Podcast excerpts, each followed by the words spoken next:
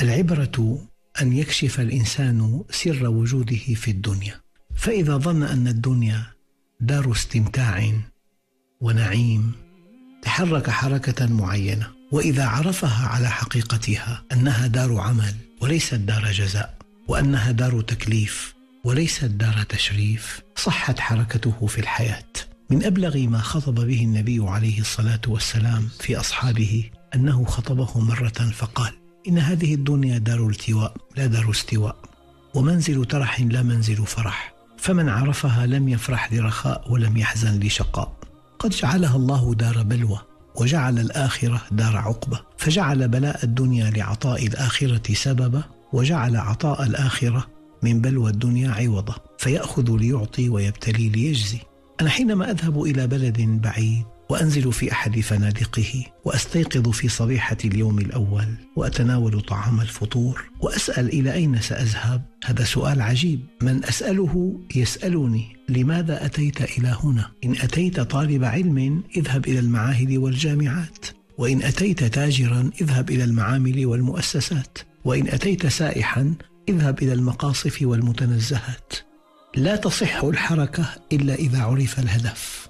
فالإنسان حينما لا يعلم سر وجوده في الدنيا ولا يعلم غاية وجوده ويظن أن الدنيا هي كل شيء هي نهاية آماله ومحط رحاله. لا بد من أن يتحرك فيها حركة تدعو إلى استمتاعه بها واقتناص لذائذها والانغماس في مباهجها. أما حينما يعلم حقيقة الحياة الدنيا أنها دار عمل وليست دار أمل أنها دار تكليف. وليست دار تشريف ينطلق إلى ضبط سلوكه وفق منهج الله وينطلق أيضا إلى عمل صالح يكون ثمنا للقاء الله عز وجل. لذلك ربنا عز وجل حينما قال وإذا أردنا أن نهلك قرية أمرنا مترفيها ففسقوا فيها. وقد يسأل سائل لماذا انصب الأمر على المترفين فقط؟ ذلك أن الأقوياء والأغنياء والمترفين هؤلاء يعني أعلام في المجتمع. فإذا فسقوا فسق الناس معهم وإذا استقاموا استقام الناس معهم. من ألطف ما قرأت في هذا الباب أن سيدنا عمر رضي الله عنه حينما جاءته كنوز كسرى ووضعت أمامه تعجب فقال إن الذي أدى هذا لأمين. كان إلى جانبه الإمام علي كرم الله وجهه. قال يا أمير المؤمنين أعجبت من أمانته لقد عففت فعفوا ولو وقعت لوقعوا وفي رواية لقد عففت فعفوا ولو رتعت لرتعوا معنى ذلك أن هؤلاء المترفين أو أن هؤلاء الأقوياء أو أن هؤلاء الأعلام في المجتمع إن استقاموا استقام الناس وإن اعوجوا اعوج الناس. وجه الله الأمر لهؤلاء المترفين فقال وإذا أردنا أن نهلك قرية أمرنا مترفيها ففسقوا فيها فحق عليها القول فدمرناها تدميرا. وهذا يقودنا إلى موضوع دقيق جدا هو أن الإنسان حينما يمكن في الأرض حينما يجعله الله غنيا أو يجعله الله قويا إن أحسن فله أجر مضاعف وإن أساء فله عذاب مضاعف. يا نساء النبي لستن كأحد من النساء. إن اتقيتن فلا تخضعن بالقول فيطمع الذي في قلبه مرض وقلن قولا معروفا. والتي تتقي الله عز وجل من نساء النبي كما قال الله عز وجل يؤتها أجرها مرتين.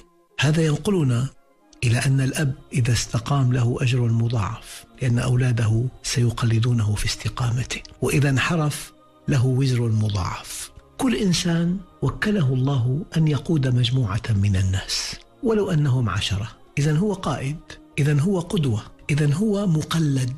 فإن أحسن له أجر مضاعف أجر استقامته وأجر من استقام بسببه. وإن أساء عليه وزر مضاعف وزره ووزر من قلده في هذا. لذلك قال الله تعالى من يشفع شفاعة حسنة يكن له نصيب منها ومن يشفع شفاعة سيئة يكن له كفل منها. يعني يحاسب حسابين.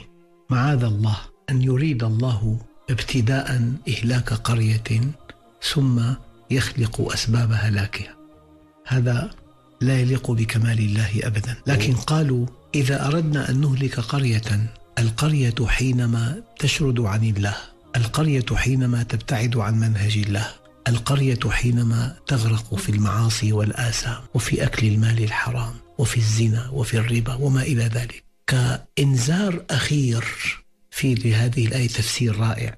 أمرنا مترفيها لأن الله عز وجل يقول قل هو القادر على أن يبعث عليكم عذابا من فوقكم. الصواريخ والصواعق أو من تحت أرجلكم الزلازل والألغام أو يلبسكم شيعا ويذيق بعضكم بأس بعض. ففي قراءة لهذه الآية وإذا أردنا أن نهلك قرية أمرنا مترفيها كعلاج مر لانحراف هذه القرية. القرية منحرفة القرية متفلتة القرية شاردة القرية مكذبة. لكن كإنذار أخير أو كعلاج مر قبل الإهلاك أمرنا مترفيها ففسقوا فيها وظلموا وضغطوا وأكلوا أموال الناس بالباطل وقهروا وأذلوا. هذا علاج إلهي. ومن لم تحدث المصيبة في نفسه موعظة فمصيبته في نفسه أكبر. حينما تأتي المصيبة وهناك من يتعظ بها هذه أصبحت دواء لا مصيبة. أما حينما تأتي المصيبة ولا يتعظ بها أحد فنفس الإنسان أكبر مصيبة. من لم تحدث المصيبة في نفسه موعظة فمصيبته في نفسه أكبر. أكبر من هذه المصيبة. فالقراءة الثانية وإذا أردنا أن نهلك قرية أمرنا مترفيها. كعلاج مر كان عليه الصلاة والسلام يدعو ويقول اللهم إني أعوذ بك من إمام سوء. إن أحسنت لم يقبل وإن أسأت لم يغفر. اللهم إني أعوذ بك من جار سوء. إن رأى خيرا كتمه وإن رأى شرا أذاعه. فتأمير المترفين الفسقة الظالمين الذين يأخذون أموال الناس بالباطل يذلون الناس. هذا علاج إلهي. ذلك أن الناس إذا انحرفوا قيض الله لهم من يقهرهم.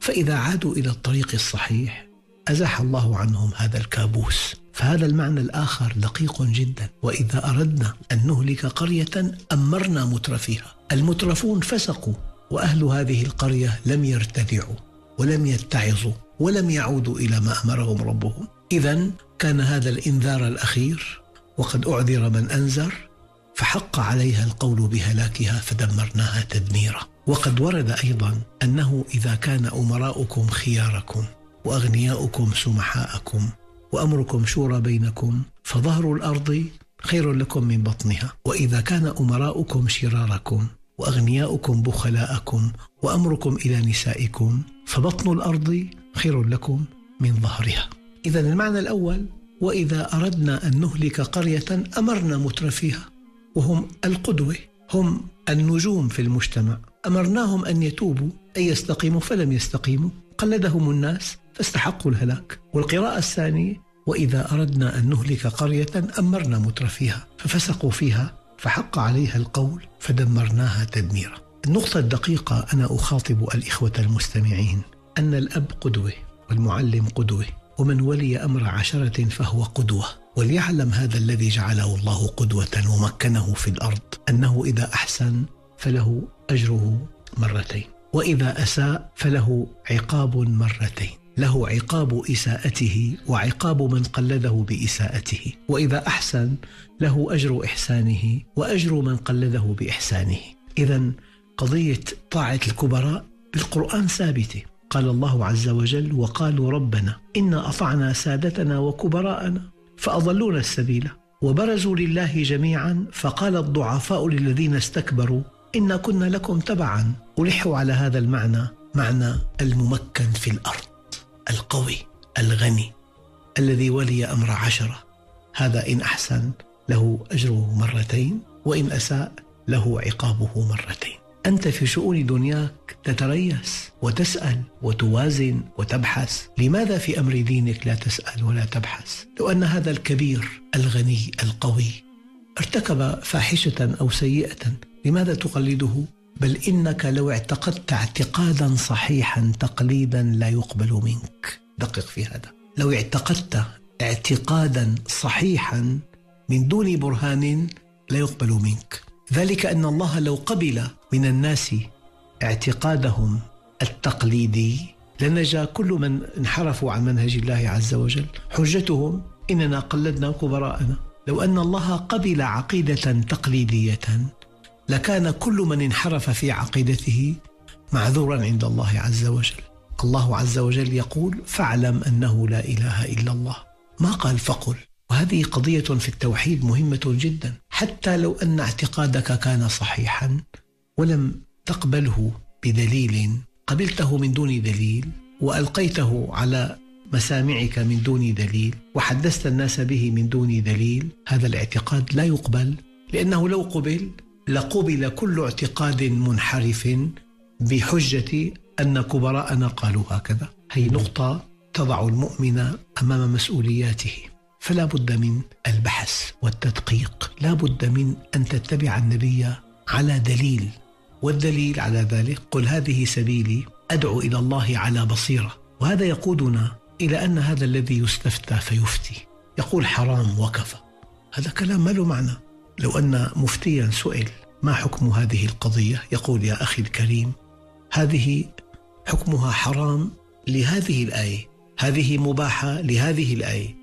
هذه مكروهة لهذه الآية. لا بد من أن تطلب الدليل. وبالمناسبة أنا لا أقبل أن يكون في مكتبة المسلم كتاب فقه غير مدلل أي أحكام فقهية فقط. هذه الأحكام الفقهية فقط لا تقدم ولا تؤخر ولا تعلمنا أن منهج الله منهج قويم أساسه كتاب كريم وسنة نبوية مفصلة ومبينة. هذا يقودنا إلى أن العلم أصل في هذا الدين وأن عالما واحدا أشد على الشيطان من ألف عابد. وطلب العلم فريضة على كل مسلم أي على كل مسلم ومسلمة أي على كل شخص مسلم.